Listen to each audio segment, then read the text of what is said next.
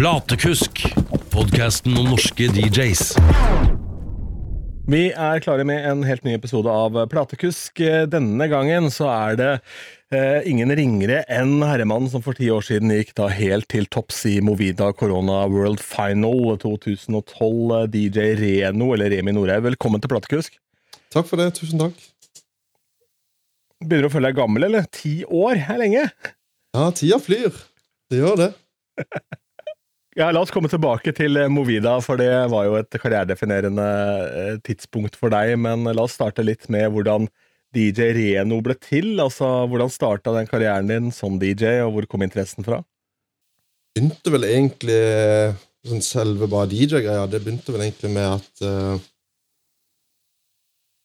Jeg satt egentlig og gnoma litt på YouTube, egentlig, og så begynte det med Så plutselig, ja, på sida så kom det jo sånne der, uh, filmer som, ja, som recommended eller sånn suggested. Er det jo. Og så så jeg på det, og så kom jeg inn på Jeg tror det var Ingrosso, mener jeg, som var og spilte på Sensation White. Og så så jeg litt på den, og så ble jeg veldig inspirert, egentlig. At uh, ja, en kar kan stå og styre musikken og lage så god stemning. Da, ja, Det ga meg bare mer Jeg ble mer sulten, da. Bare på ok, det her ble jeg interessert i. Og så Hvilket år snakker vi nå? Dette er vel 2000 og 2009, tror jeg det. Ja, 2009, tror jeg det. Og så eh, Ja, det var egentlig det, liksom, ja, låtene han, ja, låtene han spilte, og det, jeg likte alt jeg hørte, og på en måte, alt det jeg så. og Så ga det mer smak, og så hadde jeg jo noen venner da som hadde DJ-sett, og så Men jeg har aldri skjønt på hva, på måte, hva de gjorde for noe. Det var bare de spilte musikk. Og så, ble, så skjønte jeg på en måte litt mer, og så, så, last, så begynte jeg faktisk med å laste ned uh, Virtual DJ på PC-en. Da styrte jeg musikken altså bare, Da brukte jeg bare, kun musa. Uh, så ja, skjønte jo egentlig ikke noe av hva jeg holdt på med. Uh, etter hvert så fikk jeg teken og brukte jo litt YouTube og sånn tutorials. Og YouTube har jo vært et godt verktøy, da. Um, ja, så skjønte jeg jo på en måte litt mer åssen ja, ja, man mikser, og ja, litt sånn låtvalg, og hvor man skal mikse inn, og Og så, så fikk jeg prøvd meg etter hvert hos noen uh, av de vennene jeg hadde, eller som jeg har der, som har, uh, hadde de det sett hjemme, og så ble det jo litt mer hadde blitt litt mer ordentlig, på en måte, siden da kunne jeg styre dekksene sjøl og mikserne istedenfor å stå med ei mus. Uh, så begynte jeg, altså interesserte bare det, altså Interessen bare bygde på seg mer og mer, og så uh, Så tok jeg kontakt med en lokal DJ som spilte her i Kristiansand, uh, Rudi Aavitsland. han spilte på et sted som het Havanna, da. Det er jo lagt ned. og Nå er det det har vært Barbarossa der, og så er det, nå er det Old Iris som er der. Um, og Så var jeg med han, og så fikk jeg innimellom få lov til å mikse inn noen låter. og sånn, og Så gikk, det veldig bra. Så var jeg med han et par ganger eh, noen helger. Og så, etter hvert, så spurte eieren da om jeg hadde lyst til å få en egen kveld der. Det, ja, Kjempelyst til det, selvfølgelig. Um, og det gikk veldig greit. Det ble bare mer og mer spilling. Uh, og så var det litt sånn der Ja, vi må ha DJ-navn. Så var vi, var vi, noen stykker. Det var, det var José Espeland og ei som het Helena Bøhn. Og så var det Rudi Aasland. og så sto vi og bare pitcha litt. Så var det bare Ja, det begynte jo med sånne R, uh, R3, N0, og så var nei, nei, nei, det ble for nerdete. og så ble det, ble det jo Så fant vi, kom vi fram til Reno, og så var det sånn Men søkte vi det opp, så var det så mange som het Ren, og så var det Vi må gjøre noe ut av det, så tenkte vi bare Nei, vi tar punktum imellom. Så da ble det punktum imellom, store bokstaver, Reno. Og så har jeg egentlig bare brukt det siden. Mm. ja, hvorfor ikke? Ja. Men 2009, sier du, det er jo ikke mange år fram til du vinner Movida. Da. Så det, jo, det, var jo åpenbart en sånn spark som virkelig ble tent, og så ble jo det et veldig stort bål veldig fort. Ja, det gikk vel fram til uh, I 2010 så ja, Det var jo overgangen 2009-2010 der, så i 2010 husker jeg kjøpte uh, Jeg husker jeg, jeg, eh, jeg fikk jo litt hjelp av han Rudi Aavitsland, og så jeg kontakt, eh, kom jeg i kontakt med en som het Bård Lie, eh, en som uh, på en måte selger DJ-utstyr. Eh, Så spurte vi mye, så sa jeg hvor mye koster det for et DJ-utstyr, og da fikk jeg bare sånn Nei, altså det nyeste beste, 2000 spillere og 800 mikser, Uh, skulle få det for 40 000. Jeg, og jeg, ja, jeg går ned i banken, jeg tar ut 40 000, og banken står jo hver i helsike skal med 40 000 i kontanter? Jeg var, nei, jeg skal kjøpe DJ-sett. og ja. Og så kom jeg, kom jeg ut av banken da med 40 000 i kontanter. Jeg var jo livredd for disse her pengene. Så var det jo bare å få beina hjem og så kontakte Bård og bare 'Nå har jeg 40 000.'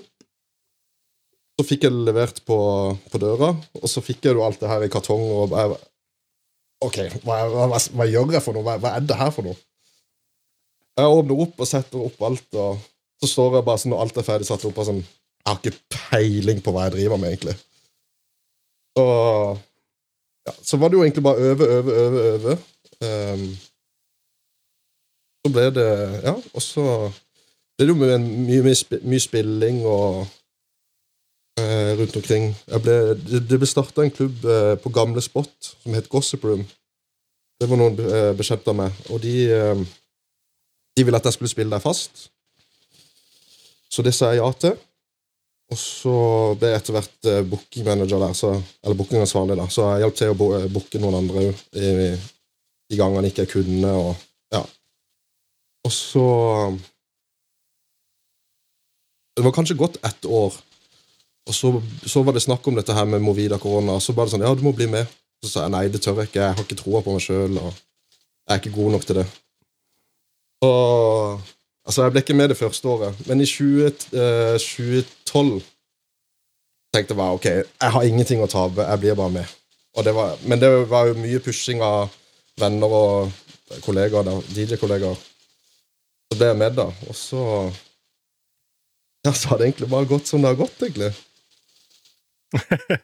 Men for de som ikke vet hva Movida Corona DJ Challenge, eh, eller hva det heter for noe, hva var det reelle navnet? Movida Movida videre Corona. Final? Ja, bare Movida Corona, ja. Eh, Hvem, altså, hva var det for noe? Hvordan kom det i stand, hva, for de som ikke kjenner til konseptet? Uh, ja, altså korona, det er jo øl, ølmerket korona, da. Ja, ølen, ja. ja, ja, ja. Ja. Og så ja, Movida det er jeg litt usikker på, men eh, ja, jeg bare blitt kjent med det som Movida korona. Uh, på en måte, og dette var jo Sånn som jeg forsto, så var dette her før Burn og det som har vært i etterkant. Så det var jo på en måte det som var sett som eh, ja, VM, altså finalen, da, i DJ-inga, da.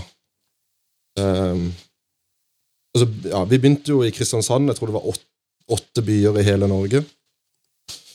Og så deltok jeg i Kristiansand, og da var vi vel seks-syv stykk, tror jeg, som var med meg. Og da var det litt sånn der eh, Jeg fikk jo litt kriterier. Det var låtvalg, eh, mikseferdigheter og på en måte ja, scenetekke, scenesjarm. Whatever you want. Eh, men så fikk vi jeg, tror- det var, vi fikk ett kvarter hver, og da sto, husker jeg sto og tenkte oi, det var lite. Her må vi pushe inn masse låter. Um, og i den tida der så var jeg veldig glad i sånn, ja, jeg var glad i beach house og house. Så tenkte jeg, jeg likte de lange overgangene, at det skulle være Ja. Men, eh, og det, det gikk jo ikke an der. Det var jo bare Måtte mikse fort. Ja, det gikk så fort at det var jo helt uvant. Um, ja, men det funka jo. Um, jeg følte alle var veldig gode, egentlig. Og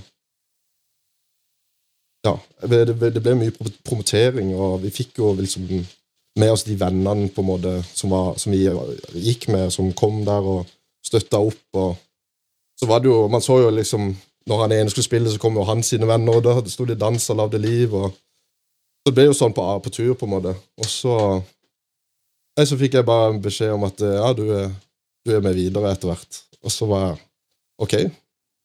Det var jo helt uh, ja, over Jeg trodde, jeg tenkte det her er jo langt over min evne, men det, det er greit, det. Og så da ble, fikk jeg beskjed om at jeg skulle til Oslo og være med i NM der, da. Ja. Da lurer jeg på om vi var i Oslo. Da var vi vel ni, ni stykk, tror jeg. Da var vi på et utested som het VU. Eh, ja, VU. Ja. Hvor var det, da? Uh, ja, det er ikke så nøye, egentlig. Men eh, det gikk jo bra der også, tydeligvis. Dette, dette her var jo en sånn konkurranse som eh, korona dro i gang da, for å få altså presse rundt brandet sitt. da, ikke sant? Ja. Uh, For det er jo ikke så lett å markedsføre alkohol alle steder i verden, inkludert Norge. Så da er det greit å ha en konkurranse eller noe gående. Men Ja, ja, ja. når jeg så, så på nettet her at det hadde holdt på allerede da du vant, så hadde jeg holdt på i tolv år med Movida Corona Challenge. ja, det vet Så mange år. var jo Ja, absolutt. Og ehm, Men så gikk du videre fra Oslo også da til den europeiske finalen, eller var det da rett til verdensfinale? Da var det på en måte ja, altså verdensfinale, da. Uh, vi var vel Mm. var representanter, for, representanter for 29 land, tror jeg det var. Uh, Ja, 29 land, så har det vært totalt av 5000 som har deltatt, og så ender Ja. du opp da i den finalen. Hvor mange er det i finalen? Der er Federley Grand dommer. altså Ta oss litt igjennom den prosessen når du kommer dit. da. Eh, ja, det, da, fikk, da vil jeg si vi fikk en ordentlig smakebit på artistlivet, holdt jeg på å si. Uh, bli flydd inn og bli henta i i uh, Ja, først var det i gule biler. Uh, kjørt til hotell, og ja, det var sånn, det var sånn skikk Alt var jo egentlig sånn wow-opplevelse. Eh, så eh, eh, hadde vi sånn samling, og så gikk vi rundt Vi tok en sånn svær sånn turbuss, da, hvor alle DJ-ene var med, og så hadde vi en sånn, en sånn fellesmiddag. Og så var det jo senere på kvelden, så var det Det var da på en måte det begynte, altså kvartfinalen, da. Da, hus, da mener jeg vi fikk 20 minutter hver. Eh, hvor de skulle begynne å eliminere allerede, da. Da var det etter alle settene var ferdig, så var det på en måte alle var samla, og så var det Ja, så begynte det liksom på eh, de fra sisteplass, altså de som på en måte ble med, da. Eh, og så gikk de oppover til de Ja, de sa på en måte alle som ble med, og er videre. Og så var det dagen etterpå. Da var det på en måte litt sånn samme. Eh, veldig eksklusiv middag, vil jeg si. Det var en sånn gullhall med gulltak og Ja, det var helt vilt. Um, og så var det Mye jo for en enkel gutt fra Kristiansand. Ja, altså, alt, alt var bare wow. Ja, var jo helt, helt fra seg. Er dette her, det her Får man det her med seg, liksom? Det er jo helt sykt. Uh, så var det litt det samme. Middag der og samling og uh, Og så var det på en måte ja, trekke hver for seg for å liksom gjøre klar settene og forberede seg. og um, Egentlig så skulle jeg ha med meg uh, uh, Nikolai Kolsfødt fra Oslo. Eh, Men så spurte jeg om jeg kunne ha José Espeland med meg, siden han var, han var gode venner med, og han også var, kom på andreplass i, i NM, da. Men eh, så var det greit. Eh, Så meg og José vi trakk oss på en måte litt, eh, ja, litt unna, og så holdt vi på med settet, og hvordan vi skulle spille det, og når vi skulle mikse inn. Og, og så, ja, til, sy til syvende og sist så var det jo eh, Etter eh, semifinalen så var det da var det de tre finalistene, da. Og da fikk vi en halvtime. Uh, og da følte jeg litt mer roen på det, fordi da kunne jeg på en måte bruke de lange, gode overgangene og uh, ja, spille på en måte sånn som jeg ville. Um, og jeg husker uh, Tyskland og Mexico de spilte som Progressive House da. Jeg spilte mer Tech House. Eh, og i den tida der så følte jeg på en måte det var veldig veldig, veldig, veldig enkelt å mikse inn Progressive House. Det var jo på en måte dropp på dropp på dropp og bilde på dropp. ja. Tech følte, og så følte jeg på en måte mitt sett ble litt sånn tamt i forhold til de sitt. Ehm, men uh, ja, nei, Fedle Grand han likte det visst veldig bra, og sjefen fra Apache, han, eller mus, uh, musikalske direktøren da, fra Apache, han eh, var jo veldig fornøyd. Så Ja, ty tydeligvis, da. ja. Nei, så plutselig vant jeg. Sto jeg der med stort, stort, svært diplom og bare winner. og Fikk jeg beskjed om at jeg skulle spille én kveld på Pacha Ibiza. Nei, det var helt sykt. Jeg husker, et, jeg husker etter jeg vant. Da, hadde, da kom uh, manageren til uh, Fedle Grand og bare 'Fedle Grand har lyst til å spille med deg.' Uh, og så er jeg bare sånn «Eh, 'Nei, jeg har ikke lyst. Eh, jeg, har ikke, jeg har ikke med meg flere låter enn det jeg spilte på settet.' Så sa han 'Nei, men det gjør ikke noe'. Så sa jeg bare 'Nei, men det går fint'. Og så sto jo alle de andre bare 'Hva er det du gjør for når du takker nei til å spille back to back med Fedlegan? Og jeg bare sånn 'Ja, ok, da, greit, jeg gjør det, da'. Og så, ble, så sto vi og spilte back to back, så det var jo kjempegøy. Ja, er du gæren. Det er kult. Hvordan er han som type? Fordi Han har jo vært litt sånn eh, hus-DJ på Palmesus og vært med stort sett nesten hvert år. og sånn. Altså, hvordan er han som person? Felle Gran? Eh, altså, han er Ja, for en eh, ydmyk og Altså, han har beina planta på jorda, altså. Ja, jeg har jo som regel eh, Jeg sto og snakka med han lenge etter uh, movide korona, og uh, og så kom han jo på Palmesus også, og så har jeg stått og snakka med han da òg, og så har vi på en måte prata sånn at ja, du, jeg, skal jo, jeg er på Ibiza den dagen. Eh, så sier han ja, ja, men han skal jo også spille der. Så setter han meg på gjesteliste og eh, ga meg nummeret sitt og bare ja, bare ring meg hvis det er noe eh, når du er på Ibiza. Og så. så jeg tenkt sånn, ja, jeg kan ikke overbruke det her, liksom. Men så er det sånn der eh, Ja, jeg er på Ibiza, jeg ser du skal spille, kan du sette meg på gjesteliste? Så har han gjort det, og veldig hyggelig. Utrolig mm. hyggelig kar, altså. Men da, da, vinner du denne Movida koronafinalen eh, og har slått av 5000 andre fra 29 land. Hva, hva, skjer da med karrieren din? Altså, hvordan tar man steget videre da? Altså, hvordan finner man i hele tatt ut hvor man skal gå videre? Uh, nei, egentlig så Jeg føler jeg, jeg føler jeg, var veldig heldig, egentlig, fordi jeg ble veldig mye kontakt om at uh, de ville ha meg til å spille på masse, masse uteplasser og Uh, ja, jeg, jeg takker egentlig ja til det meste. En, de, en, del jeg ikke skulle ha takka ja til. Uh, ja, var det jeg tenkte. Det er sikkert mye idioter som også tar kontakt. tenkte jeg bare, å, se han er populær, få det på. Ja. det, har vært mye, ja, det har vært noen dårlige opplevelser, men alt i alt så har det vært veldig bra, egentlig. og så hjalp jo Ja, og så siden, ja, siden jeg vant uh, korona, så var det jo hovedprisen var jo at man skulle vinne én kveld på Pacha Ivica.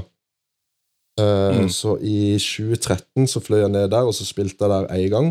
Og etter settet så kom uh, uh, han musikalske direktøren, Steve Hulm, bare Du, jeg snakka nå med resten av på en måte crewet på Pacha, de vil ha den flere ganger i år. Og jeg bare sånn Ja, det er, selvfølgelig vil jeg det! Det var jo å komme på en klubb der og jeg husker faktisk første gang jeg skulle spille der. Da ble jeg satt på klokka når jeg er på åpninga. Det var ingen folk der. Og svær klubb. Uh, og jeg tenker ja, ja, jeg vant jo med, på en måte med denne stilen, så jeg skal spille min stil. Uh, spiller, begynner på 100, jeg tror det var 125 BPM. Så kommer sjefen min, og så bare tar han faderen, så bare skrur han ned til 120, så sier jeg dette, dette er tempoet du må spille i. Og så kjente jeg bare Oi, og da bare, da alt i hodet mitt ble bare ødelagt. Bare, hva i all verden skal jeg spille nå? uh, ja, så da, måtte, da sto jeg virkelig og jobba og liksom søkte på åssen låter skal jeg spille. og Så plutselig kom det inn en hel haug med folk. Og, det er liksom, og dette er noe helt annet enn på en måte norsk, eller no, klubber her i Norge hvor folk egentlig bare er sånn Å ja, det er han som spiller. Og så går vi og danser og drikker. Altså Der står jo alle retta mot DJ-en. Og det var, for meg så var det helt uvant. Det var bare det var nesten litt ubehagelig til å begynne med. Det var sånn, Dette her jeg er langt ifra vant til. Um, og når jeg var ferdig med settet, folk klappa, og det var bare sånn jeg sa hva her setter folk virkelig pris på liksom musikken som blir spilt. Og det var sånn, Ja, dette kan jeg liksom leve med. Uh, altså Pacha er jo også en helt legendarisk nattklubb. Da. Han har jo åpna på Ibiza første gang i 1973, hvis ikke jeg tar helt feil. Uh, og, ja, det kan nok stemme. Ja, og grunnen til at jeg veit det, er at sangen 1973 med James Blunt handler om klubben Pacha. For han bor halve året ja. på Ibiza. Ja. Uh, og det er hans favorittklubb, faktisk. Så han kjipingen der, han digger Ibiza. Men uh, uh, for å bare på en måte prøve å sette scenen, da. Jeg tenker det er så mange som hører på dette, som aldri kommer til å sette sine føtter, dessverre, i en, en DJ-boks på Ibiza, i hvert fall ikke på en av superklubbene. Hvordan er den opplevelsen kontra å være på en vanlig norsk klubb, da? Altså, prøv å forklare det, liksom. Um, I første gang, hvis du skal på de største klubbene, så vil jeg si at det er sinnssykt dyrt å komme inn på klubben. Uh, hvis, man, når, uh, hvis, man, skal betale på en måte vanlig cover. Men uh, det har jeg alltid forsvart. det er som regel ikke bare La oss si man betaler 50-60 euro for å komme inn på klubb. Det er litt mye, men ikke, du får ikke sett bare én stor på en måte DJ-artist. Du får med deg fire, fem, seks store stykk eh, som på en måte spiller utover hele kvelden. Og der begynner jo på en måte kvelden Hvis ikke det er, hvis ikke det er sånn daypartyklubb, eh, eller sånn nattklubb, da, så begynner det jo på en måte tolv, og der slutter de til nesten siste man går ut. altså da Man holder på til syv på morgenen. Um, ja, så det er på en måte det, er på en måte det jeg har brukt som forsvar. bare Det er dyrt, men du får med deg sinnssykt mange artister. Så det er jo Det føler jeg gjør, på en måte gjør opp litt. Ja, og så blir det jo det samme som hvis du skal stikke og se Tiesto på Sentrum Scene, eller hvor det er, så koster det 500-600 spenn, det. Ja, Det det. Da er det jo bare noen support acts. Så vil det være det samme da om det eneste Du må ikke se på det som en nattklubb, du må se på det som på en måte et konsertlokale Ja. snarere enn nattklubb med, Mm. med DJs. Men for deg som DJ å komme dit og tre inn i altså Hvordan fungerer apparatet rundt der? altså um, Ja, bare prøv å, prøv å ta oss gjennom det. Ja. Jeg er nysgjerrig sjøl, jeg har ikke vært der. Eh, nei, jeg syns det Altså, ja, jeg har jo bare stått og bare Går rundt med sånn wow-følelse hele tida. jeg husker eh, etter hvert Det var jo i 2013, etter den første gang jeg spilte, så ville, jo, så ville jo de ha meg til å spille flere ganger. Jeg lurer på om jeg ble flydd ned tolv ganger etterpå det samme året. Og da var det plutselig, når jeg kom den ene gangen, da var det Ja, um, har du lyst til å spille på pre-party på Kaffe Mambo for, um, for Solomon? Og jeg bare sånn eh, Ja, selvfølgelig har det. Eh, vi vil bli henta i artistbilen til Kaffe Mambo, bli kjørt på andre sida av øya. Eh, komme inn på Kaffe Mambo, og der står det jo på en måte masse folk utenfor og er helt klare. Og for meg så er det jo bare At jeg får lov til det her, det er jo for en ære. Ehm, og det husker jeg, det husker jeg veldig godt, faktisk. Eh, etter, etter det settet jeg spilte på Kaffe Mambo første gangen, da ehm, Da kom det en hel haug med folk etterpå skulle på en måte De kom med penn og på, på måte papir. Og så står jeg og ser på, eh, på han eh, eh, sjefen min fra Pacha, bare, så sier han ja, 'De vil ha autografen din'. Så står jeg sånn 'Hæ?' Og var, okay. Og jeg var jo så nervøs, visste ikke hva jeg skulle gjøre. Så jeg står jo bare og skriver, jeg står jo bare og skriver Reno, så går jeg til neste Reno. Så sier han sånn du, Bare et lite tips til neste gang. Du burde liksom spørre sånn Hvem er det til? Og ikke bare skrive Reno og bare gå. Men eh, så sa jeg ja, jeg syns det var veldig ubehagelig. Det var ve sånn, veldig uvant. Så sa han ja, ja, men du må bare, du må bare hive deg i det. Så det var Ja, det får for en opplevelse, altså. Men hadde, hadde du noen som på en måte gjorde managerbiten din, eller som eh, holdt i ting for deg, eller var det sånn at du fikk en telefon eller mail om at vi ønsker deg på Ibiza, disse datoene? Altså, Hvordan fungerte den prosessen? Um, jeg hadde jo han Steve da, eh, fra Pacha. Uh, han tok alltid kontakt på mail eh, og skrev uh, Altså, det var egentlig ikke snakk om kan du, det var egentlig bare disse og disse datoene er ledige, har du lyst til å komme? Og jeg bare, jeg svarte jo alltid ja. Det var, altså for, det var jo, for meg så var jo det, det var jo et mekka med, med DJ-er og ja, alt mulig. Så det var jo bare Selvfølgelig ville jeg spille. Uh, og de ordna alt med fly, hotell. Så egentlig, med tanke på at jeg kun skulle få en, spilling på Pacha Ibiza, så, så ble det jo til Det ble til to ganger. To ganger på Kaffe Mambo. Eh, jeg spilte på eh, Ibiza Global Radio. Jeg spilte liveset på Ibiza Sonica. Altså to av Ibizas største radiokanaler. Um, jeg spilte husker, eh, Pacha, Pacha bygde en egen sånn på en måte sånn luksusresort, hvor de hadde en klubb nede. Eh, du kommer inn på på resortet, så går du inn ned en trapp, på en måte sånn halvtrapp. Og så til høyre så har du Nei, til venstre så har du klubben som heter Tox. Og det er liksom litt sånn underground klubb-scene som Pacha sjøl styrer. Og så har du, så, men hvis du går til høyre, eh, høyre da, så har du eh, Så har du et sånn yogasenter som heter Detox. Så man kunne velge Tox eller Detox. Så det var Nei, au, au. jeg har fått noen opplevelser jeg har fått via Moine korona. Så evig, tak, evig takknemlig. Jeg skulle egentlig til Ibiza for første gang eh, i 2020. Det ble av helt naturlige årsaker ikke noe av, For Ja. da var det korona. Ja, apropos korona. Um, For de som ikke har vært der, sånn som meg selv og har tenkt å ta en tur ned, eh, hva er det man må få med seg å se som DJ? Altså, hva er hva er de stedene man bør besøke hvis man skal til Ibiza for første gang. Det er lett å bare bli tenker lost in space der. Eh, Ja. For det er jo så mange, mange kule klubber, og det er så lett å havne inn på det stedet som kanskje bare er superkommersielt, og som du like så godt kan finne på Rådås, eh, men som også Ja. er på Ibiza, kontra å gå på de legendariske plassene. Ja. Nei, det er litt mer eh, Ja, å komme ned der Jeg har jo på en måte ikke vært i den situasjonen at jeg kommer ned der og ikke vet hva jeg skal. Men eh, hvis man kommer ned der, så vil jeg Nei, nå legger de, de legger dette, siste, dette var siste året Bora Bora var. Så de har lagt ned Bora Bora. Uh, nei, jeg ville ha fått med meg en av strandpartyene eh, først, først og fremst.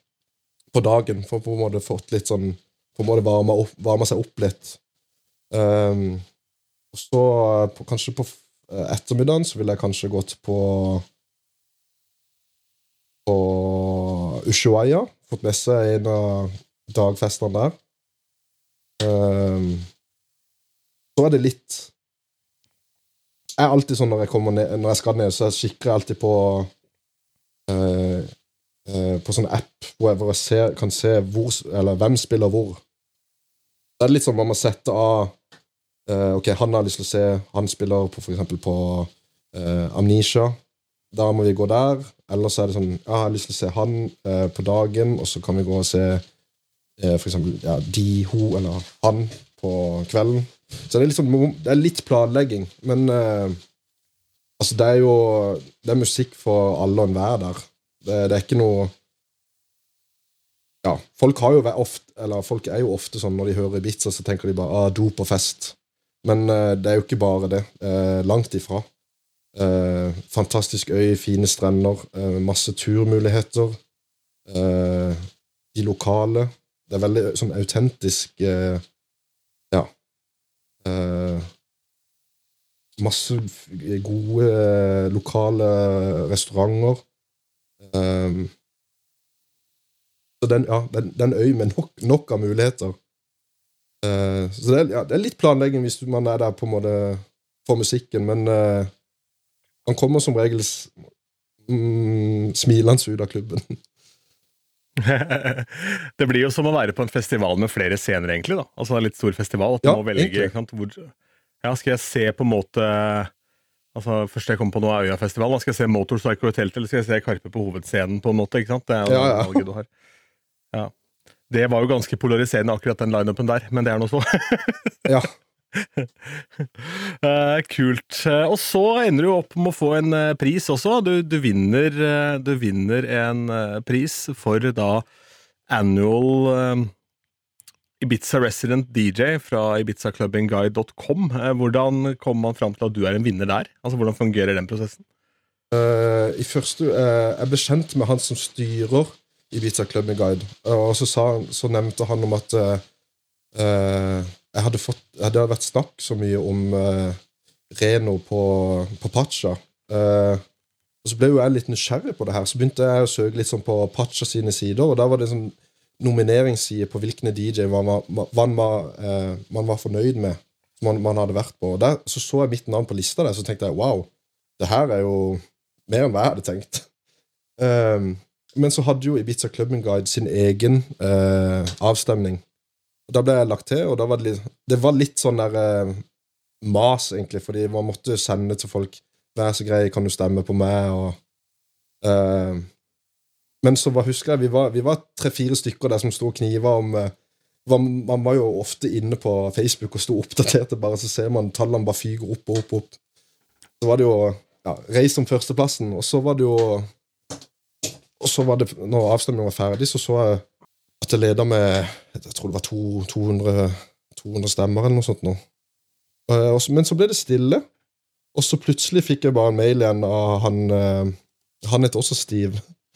eh, Steve fra Ibiza Clubbing Guide, om at det skal være Det skal bli utgitt pris Det var ikke under sesongen, det var rett før sesongen begynte, tror jeg. Og ja, og da var det om jeg, Ja, de ville gjerne at jeg skulle komme, og, men da var det for egen regning, på en måte, for min del. Så tenkte jeg nei, nå på en måte Ibiza har gitt meg så mye, og når jeg har på en måte fått æren av å bli nominert og vunnet pris for, uh, årets uh, resident-DJ på Ibiza, så tenkte jeg ok, det, selvfølgelig skal jeg betale for det. Og så, så fløy jeg ned der og var på prisutdeling og uh, ja, hadde en tale hvor jeg takka alle og alt og alle, så å si. Uh, fikk jeg den og reiste hjem og var veldig fornøyd. Veldig stolt av meg sjøl. Ja, det tror jeg på. Det er jo full Altså, det har du jo din fulle rett til òg, for det er jo ikke alle som kan ha beviselig over flere, altså flere anledninger da, bevist at man på en måte har noe å fare med. Mm. Det er mange som bare er gode DJs som uh, hører det fra venner og kjente og ser at det kommer folk å høre på. Det holder jo massevis, det ofte. Men det må jo være sinnssykt digg å vise at du har vunnet den konkurransen, og du har på en måte denne Ibiza-awarden der. Uh, og så ruller det og går videre, da, og så blir det jo uh, Når kom du inn i Palmesus-systemet og ble en resident der? Jeg mener det var først Jeg lurer på om jeg sendte mail til Heine Strømme 2010, tror jeg det var. Da var det om jeg kunne spille på neste års Palmesus. Og da husker jeg Heine sa det skal vi, det skal vi se på.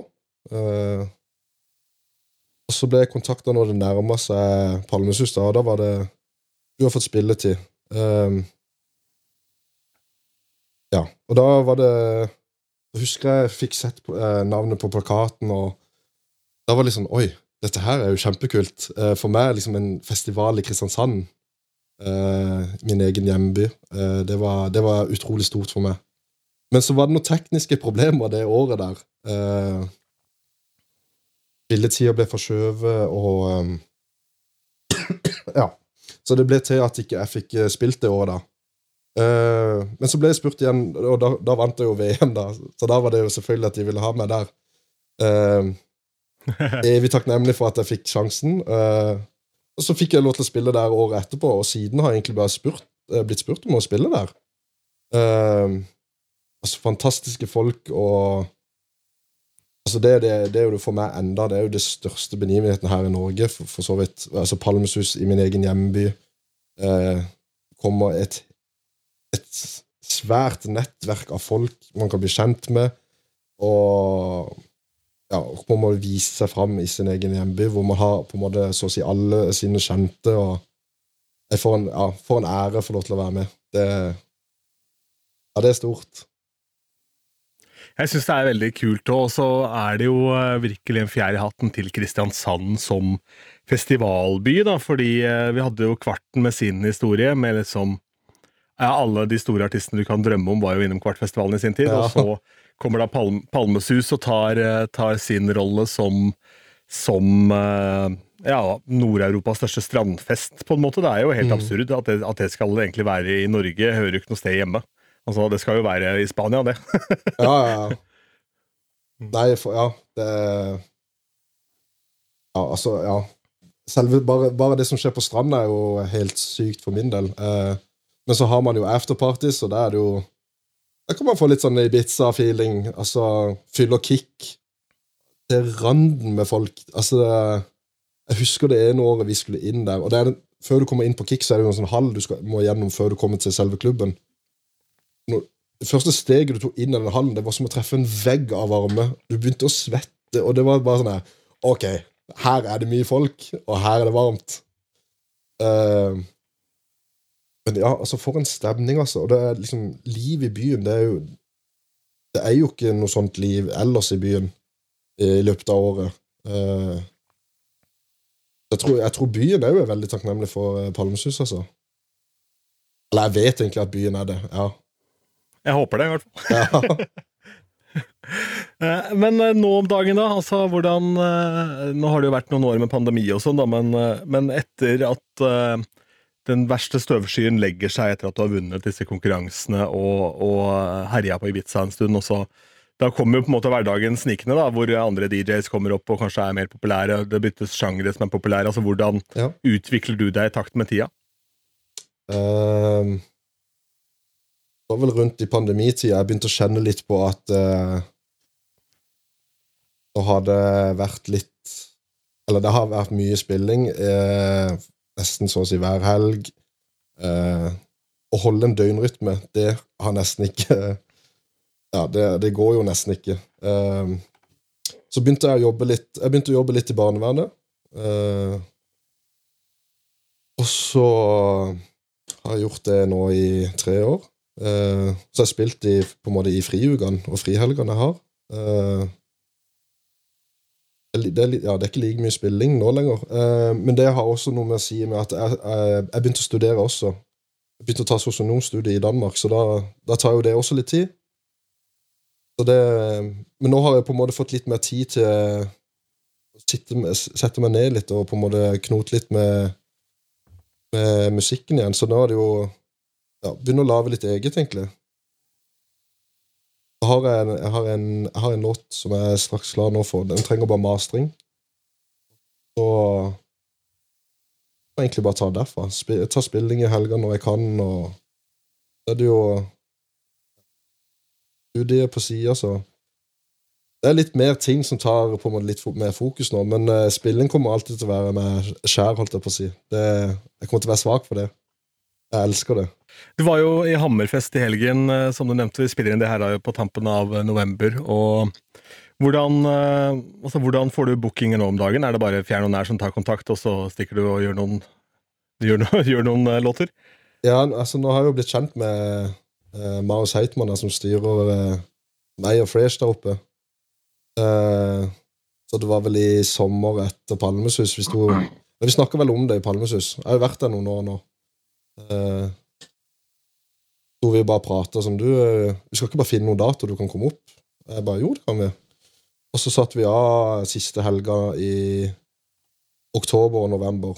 Eh, jeg har vært der oppe og spilt, og altså så får noen folk De er, de er så åpne, og ingen filter, og Det er så artig der oppe. Det er Nord-Norge, ja. Ja, ja. Jeg sto og koste meg der oppe. Har du, har du spilt over hele Norge? I hele Norge, det vil jeg ikke si. Jeg har faktisk enda ikke vært i Tromsø. Uh, nei, ellers har, ja, ellers har jeg- vel spilt i de største storbyene, men faktisk ikke Tromsø. Mm. Hva vil du si på en måte er forskjellen fra, fra øst til vest og nord til sør? Altså, hvordan, hvordan merker man eh, altså, forskjellen på publikum, hvordan man blir tatt imot, hva som fungerer, f.eks.? Promoteringa føler jeg på en måte har litt å si.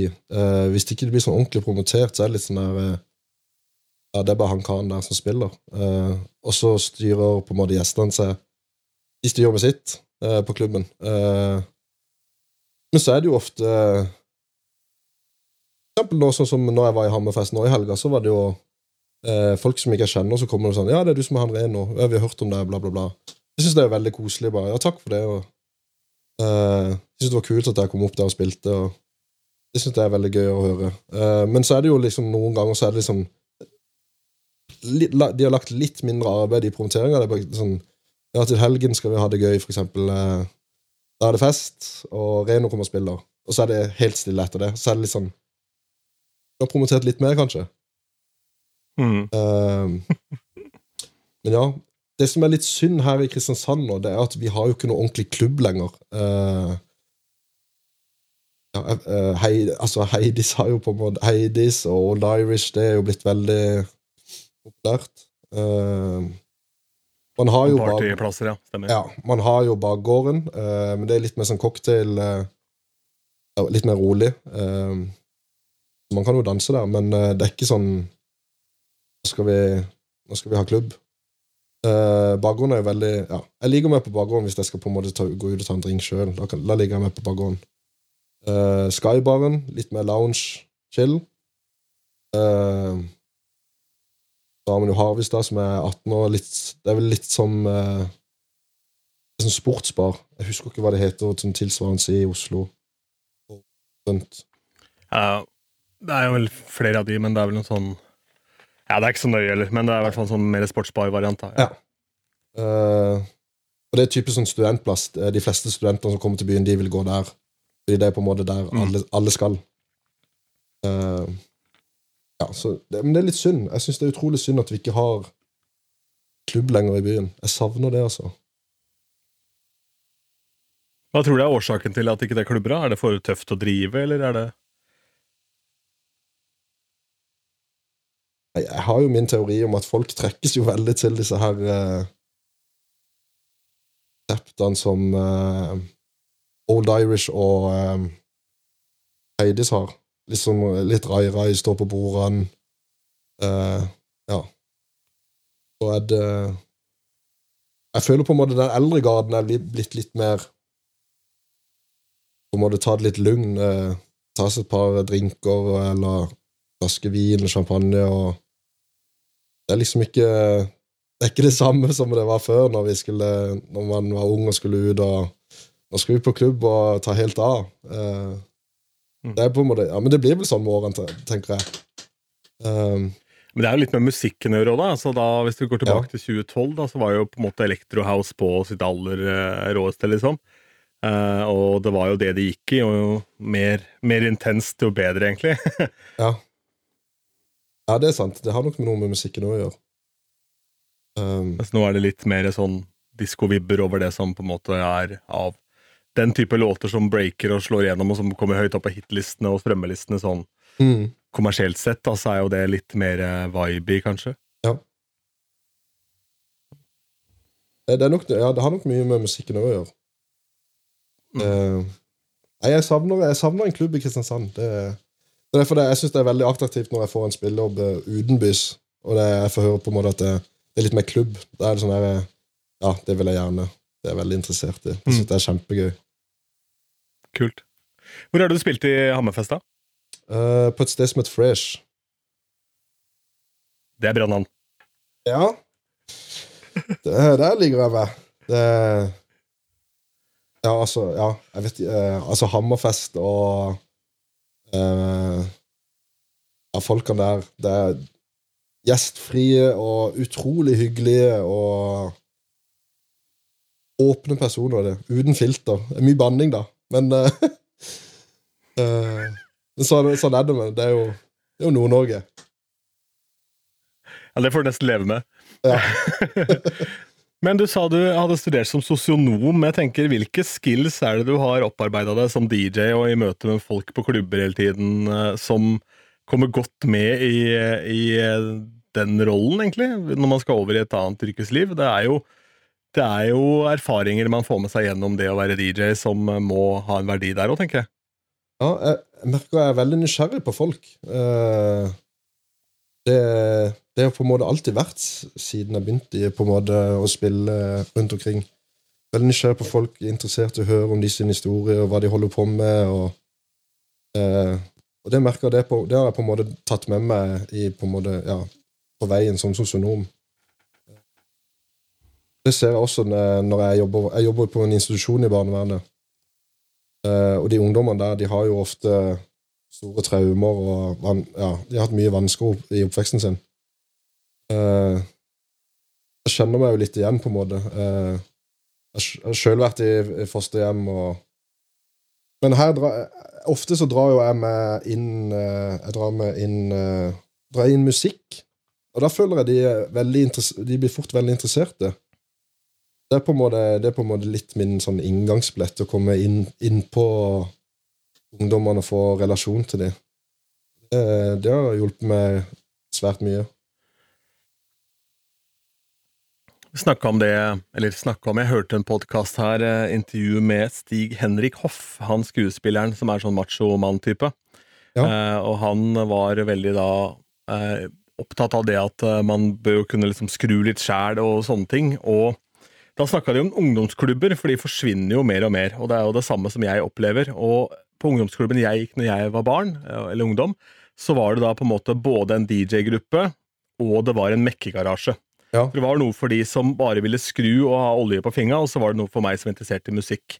Jeg føler at det ungdomstilbudet, det vi skal på en måte ikke ta for lett på det at ikke det fins i så stor grad lenger. Altså. I hvert fall sånn som jeg ser det, så føler jeg at det er liksom litt, blir litt borte borte i det store og det hele. Jeg tenker ja. Det er en viktig jobb å gjøre, for jo færre som havner utafor, eh, jo eh, altså mer penger sparer vi samfunnet for, og jo mer problemer sparer vi samfunnet for generelt, da, jo flere liv redder vi. ikke sant? Så Jeg tror det at man ikke skal undervurdere effekten av å bruke en del kroner på å få opp et kult diskorom, eller å få opp en garasje med verktøy, eller altså alle de tingene der. Så der har du jo, eh, du med din bakgrunn har da en jobb der på en måte å kunne fortelle at eh, kanskje vi, kanskje vi skulle gjort eh, noe ut av det her, da. Fordi det du blir Jeg snakka med, med Geir Arne her i forrige episode. ikke sant? Det du blir hekta, det nytter jo ikke å legge opp. Du blir jo aldri ferdig med DJ-ing. Altså, Nei. Nei, det er nok i det. Eh, føler jeg, ja, jeg føler ofte det kommer til det, det, det samme konklusjonen. Det er alltid økonomi, økonomi. Eh, det er sånn der, eh, Legg nå inn litt penger i på en måte kultur og de unge, eh, istedenfor at de på en måte skal drive dank og henge på byen og ja, gjøre eh, gjør ugagn. Eh, og det gjelder innsamle en plass hvor de kan holde på med noe og styre med sitt. Det er sånn som du sier, en klubb eller et diskotek eller et, ja, et eller annet. Det, det er ikke så mye av det lenger. Eh, så føler jeg ofte det på en måte Det kommer alltid til det samme svaret. Nei, det er økonomi, det er ikke økonomi til det. Det, det syns jeg er litt synd. Jo, men, men er det økonomi til å ta seg av problemene i framtida, da? Fordi det er jo det vi åpenbart gjør. Vi bare utsetter den regninga, ikke sant? Ja, ja, ja. Jeg kan aldri tenke meg at altså, det De pengene man skulle brukt på å kjøpe et fullt eh, CDJ-oppsett fra Pioner og noen diskoeffekter eller noe sånt, det må jo ti ganger eh, Altså tidobles, i hvert fall, i framtida, hvis, hvis eh, tre kids faller utafor. Altså, Ja, ja, det er helt enig? Alt det der det er jo helt jævlig. Men eh, det der er jo storpolitikk, Altså, dette kan jo sikkert ikke vi noen ting om. Vi bare ser det fra utsida. Men eh, Ja. det handler om bu- bu- budsjettet det året her. Og det, nei, det er for meg veldig rart, fordi det å kunne se det at noen har noe å gå til og Det spiller ingen rolle om det er DJ-ing, om det er mekking eller om det er baking. Får du passion for noe, så er jo det noe som Det er jo en indre flamme som brenner for evig. Ja, ja, ja. Jeg ser jo det at man burde jo Man burde jo gjort det Jeg har lagd noe sånn. Eh, Jeg hører Eller ja, jeg leser og hører på en måte litt om at eh, Sånn som for eksempel nå, sånn som strømprisene er sånn, da er det jo ja, Folk har ikke råd til på en måte å ha ordentlig varme hjemme. Eh, Da trekkes man jo på en måte ned til byen, være plasser. Eh, et kjent sted for sånn møteplass for ungdommer her, det har jo ofte vært utenfor McDonald's. Eh, men man ser jo at det er jo ikke alltid det er så positivt. På en måte Veldig bra at ungdommer møtes og sånn, men eh, det er kanskje litt i feil arenaer. Eh, treffer litt feil, litt feil andre Eller feil av ungdommer, da. Så kan man fort bli trukket til å gjøre ja, ta litt gale valg og Som man egentlig ikke, altså man egentlig ikke hadde vært det hadde ikke vært nødvendig hvis det hadde vært et ordentlig godt tilbud for ungdommene. Det Nei, det, det er noen andre tider nå. Ja, det er jo det, og man har jo selvfølgelig gaming og ting som foregår på nett og sånn, men da er det jo lett å aldri gå ut av døra igjen òg. Så blir du Ja, sittende sant. der, og så har du kanskje et stort nettverk med venner, men de er på en måte litt virtuelle. Da blir det litt sånn som du og jeg sitter og prater nå digitalt her. Og så Ja.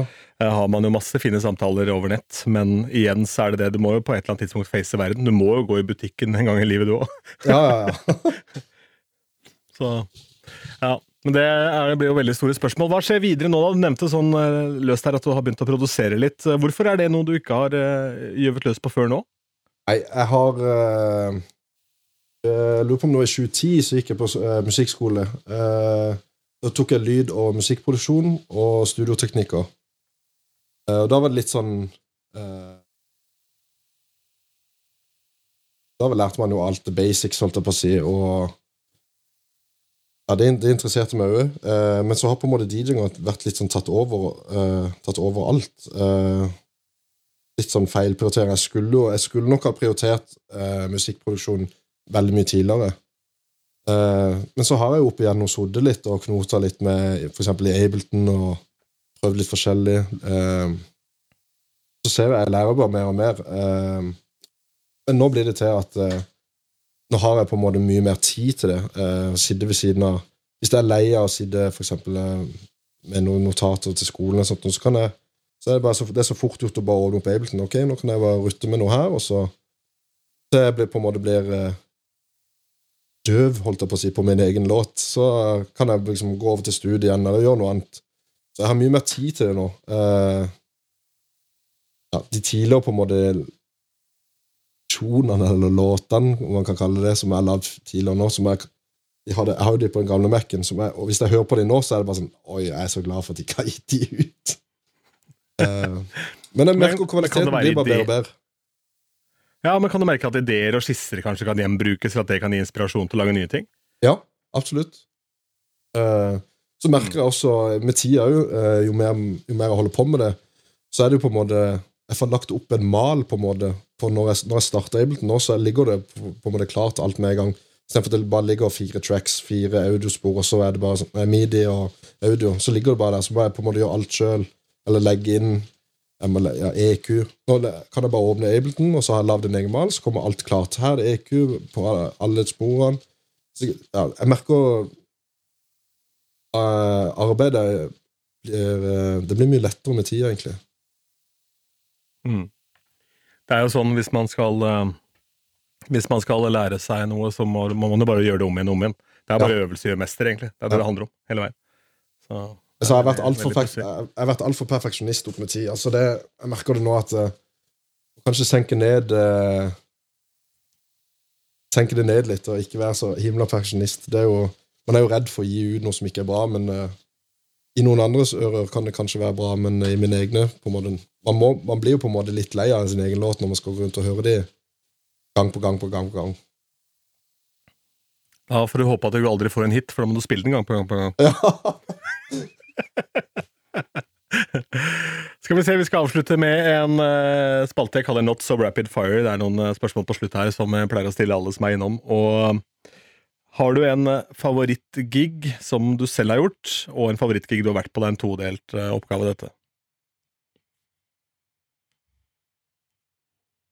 Uh, Favorittgig som jeg har vært på? Ja, og som du selv har spilt, da. Altså, det er to spørsmål igjen, egentlig. Kan jeg kanskje trekke fram den ene gangen jeg var på Ushuaia og klarte å snike meg opp på scenen med Swedish House Mafia. Uh, uh, nå var ikke jeg den eneste, da. Så det var jo en hel haug med folk der. Det var litt sånn der eh, Litt sånn type boiler room-ish på scenen. Uh, Swedish House Mafia sto og spilte, og så var det masse folk rundt på scenen. Og hadde, det hadde jeg jo lyst til å gjøre. Jeg klarte å komme meg opp på scenen der, og jeg sto og koste meg. Så det, ja, Vært på scenen med Swedish House Mafia. Um, Ja, Det er gøy. Favorittgig du har spilt selv, da? en av de gøyeste gigene jeg har gjort, det var faktisk uh, Det vil jeg faktisk si når um, uh, meg og Josef Bamba og en som het Danny Wade sto og spilte sammen på Pacha Ibiza. Eh, da hadde vi masse, masse norske eh, ja, venner fra Norge eh, i DJ-booten òg. Og ja, det er noe av det gøyeste. Meg og Josef sammen, eh, spiller sammen og på Pacha Ibiza. Det, altså det Vi har gjort det flere ganger, men den gangen, den gangen, den gangen der, det var en av de gøyeste. Eh, da husker jeg sjefen kom bort til satte på og bare sånn Swedish House Mafia, det er jo ingenting. Nå har vi Norwegian Mafia. det, nei, det var gøy. Ja, det er fett. Josef Bamba er også invitert til å være gjest i den poden her, så jeg håper at det skjer på et tidspunkt. For han var den første som vant Movida, tror jeg. Ja, i Norge, ja. ja. Det stemmer. Um, neste favoritt-DJ, har du det? Kan det være både i Norge og utenlands, det? Kan du nevne flere norske der, hvis det er noe man på en måte vil trekke fram, som er kule? Det er jo flere. Det må jo være flere, da. Jeg føler at Hvis jeg nevner én, så blir det andre litt sånn Hei! Ja, jeg Eh, skjønt etter hvert at det er litt hardt å skulle si én norsk DJ, så du kan ja. finne flere der. Men i utlandet så vil jeg gjerne at du trekker fram én som du er inspirert av. Ja, jeg- altså, jeg har jo Ja, jeg kan jo trekke inn uh, i Josef Bamba. uh, Chris Viviano. Mats Gulbrandsen. Ur. Jeg syns det er artig å høre på uh, K-Mix. Jeg husker første gang jeg spilte på taket når han hadde booka meg. Så sto han og spilte litt før meg, så sto han og scratcha på det. Og jeg var sånn OK, her scratcher vi på CD-J-en. Eh, ja, og det fikk jeg på en måte sett sjøl, og det var bare sånn der, for meg så bare sånn wow. Uh, han tok bare helt fra, klar. Bare, ja, det er ikke noe problem, det her. Jeg tror Kjetil eh, faktisk har den episoden med flest lyttere så langt av Platemix, nei, av Platekusk òg. Ja. K-Mix har jo masse, masse stories fra helvete. Det er jo Ja, ja. Han har gjort alt, sett alt, vært med på alt, så Ja, Jeg har vært med mye på, med Kjetil. Altså, For en steingal mann. Jeg elsker han. Herlig. Eh, I utlandet, hvilke DJs i utlandet er det som på en måte trykker på knappene dine? Jeg husker også Erik Morillo på Pacha. Det, det syns jeg var veldig kult. Um, man så liksom Han hadde så sinnssykt passion for, eh, for musikk, og ja. Uh, en av de jeg kan huske sånn kjempe liksom, ja, sånn, Med frist opp i minnet som bare Han sto og koser seg, og han her viser at uh, han elsker det han gjør. Ja, Rock and Peace, Eric Morillo. Han gikk vel Ja. bort i 2020. Ja. Ja. Mm. Men han var jo Jeg skulle hørt livesettet hans. Jeg har aldri sett han live, men jeg har hørt noen av de livesetta på, på Spotify, eller nei, ikke på Spotify, men på YouTube eller Soundcloud, eller hva det er for noe. Mhm. Ja, det var levert, altså. Veldig gøy. Jeg er så fan av Fedle Grand nå, Det må jeg si. Mm. Jeg hadde eh, faktisk noe med han å gjøre, holdt jeg på å si, i helgen. Jeg hadde en kompis av meg som var, eh, var på julebord i Praha, og hadde da funnet ut at Fedlegran skulle spille der dagen, eh, dagen etterpå, eh, på den samme klubben, så han hadde kjøpt et VIP-bord på det julebordet, Ja. og så hørte jeg og Han ringte meg, jeg hadde masse spillejobber med noen julebordgigs og noe greier, så jeg snakka med han sånn halv fem om morgenen. Da skjønte jeg at det blir jo ikke noe av den Fedlegran-gigen dagen etterpå. Jeg hørte jo det på hele fyren, og det stemte, det. det ble... så det VIP-bordet gikk til helvete, men det er så. Eh, Men eh, da kan vi gå videre, da. Hvem, eh, eller hva vil Reno anno 2022 Hva ville du gitt deg selv i råd tilbake i 2009, da du begynte å spille? Begynne å produsere musikk. Ja. Uh, ja, det er egentlig det. Um, ja, så føler jeg egentlig man aldri kan bli egentlig ferdig sånn på en måte utlært, kaller man det, uh, med, med miksinga. Altså, Det kommer jo alltid noe nytt nå med, med de nye spillerne som kommer, så på en måte kan du bruke det til noe, til noe fett nå, eller Vær nysgjerrig på den nye teknologien, altså. Ja, jeg tror det ligger mye i det å aldri slutte å øve, altså. Jeg har ja, ja. inntrykk av det at da, de som bare holder ting varmt eh, Jeg tror jeg har nevnt det her før, men jeg hørte et intervju med han eh, Steve Lukather fra Toto, som har spilt på Thriller med Michael Jackson og sånn. Ja. Og han har altså med seg en gitar hvor han bare øver på grep mens han sitter på flyet. Den lager ikke lyd, da. Men det er bare for å øve på ja. grepene, for at jeg aldri liksom skal For han er så opptatt av at dette skal være perfeksjon. Ja, ja. Eh, og plutselig så har du en ny greie gående, og da ja, ikke sant? Da veit du det at ok, hør på dette. For det er så lett å falle i den samme fella. Jeg har hørt på opptak fra før pandemien som jeg gjorde selv, og det var sånn Å, jeg hadde den overgangen, fordi de passa perfekt sammen. Mens etterpå så blir du mye mer nysgjerrig, så du kan gå inn da i Jeg lager sånne folder i Serato hvor jeg har, eh, hvor jeg har da hvilke sanger som passer i hvilken key. Ja. Så er det sånn, ok, De sangene som da passer, de eh, er i den mappa, så går jeg og finner noenlunde lik BPM, og så ser man hva man får til, og så plutselig så har du en overgang du aldri har tenkt på, for du har aldri spilt de to sangene back to back. Nei, det er ikke Så, sant? og én overgang kan jo da føre til plutselig et helt nytt sett. Det Ja, starter jo bare med at du har én låt som er fet, og så er du i gang. Så jeg tror det mange faller i fella der som jeg gikk i også før jeg begynte å før jeg, Eller før pandemien kom, da. At man var for husvarm, fikk for mye jobber, blei booka, folk var happy med det de gjorde, og så mm. slutta man å øve, for man spilte så mye ute. Ja. Jeg tror det, det er nok eh, Ja, det har i hvert fall vært jævlig deilig for meg, å bare kjenne på det der gleden av bare stå og spille og øve og prøve nye ting. Da. Ja, jeg er helt enig. Det Øve, øve, øve. Eh, skal vi se Jeg har jeg har glemt disse spørsmålene. Jeg har glemt å skrive det ned også. Bare holde, holde linje her. Hvor, lenge det du holdt på? Jeg begynte alle den første spillejobben min eh, betalte natt til nyttårsaften år 2000. Um, Da var det, da var det CD det gikk i. ja, CD-er, ja. Ja. Jeg spilte litt på vinyl før det, eh, for jeg, sammen med en kompis vi spilte noe house og noe klubb på vinyl. Og så ja. spilte vi CD-er ute, da, men han hadde vinyloppsett hjemme, for broren hans hadde mye penger. Så, det var så han hadde kjøpt det oppsettet. Men, eh, men eh, det var det. Og så da var det jo på en måte sånn DJ Shaun-klubb og sånn som var populært da jeg begynte, da. Ja, ja, ja. Og, og da prøvde man jo seg på en måte innenfor de sjangerne, men så var det jo da de kommersielle som til slutt endte opp med å gi meg gigs, for det var et sånn veiskille også med at R&B og sånn ble veldig populært hos jentene. ja. Og i området der hvor jeg var, så var det ikke, var det ikke plass til noen rene klubbsteder, på en måte, så da måtte du spille kommersielt, og da var jo Det er jo jobben egentlig å spille for barn, så de tjener penger, Ja. ikke sant? og da Ja. må du få de jentene til å danse. Det er jo egentlig så, lenge, så enkelt, da, ikke sant? Eh, skal vi se, la oss Jeg husker alltid jeg har vært så fascinert av, av LP. Jeg husker når eh, Mm. Jeg husker mine foreldre hadde sånn der når jeg, var, jeg var vel rundt syv-åtte år gammel. eller sånt nå. Da var det sånn der, sånn rack på både sånn kassettspiller nede, liten EQ, og så CD-spiller oppe, og så var det en LP-spiller på toppen du kunne ta lokket på. Så husker jeg husker det lå en LP oppe jeg, lurer på om det var eh, en LP med Cool and a Gang med Cherish.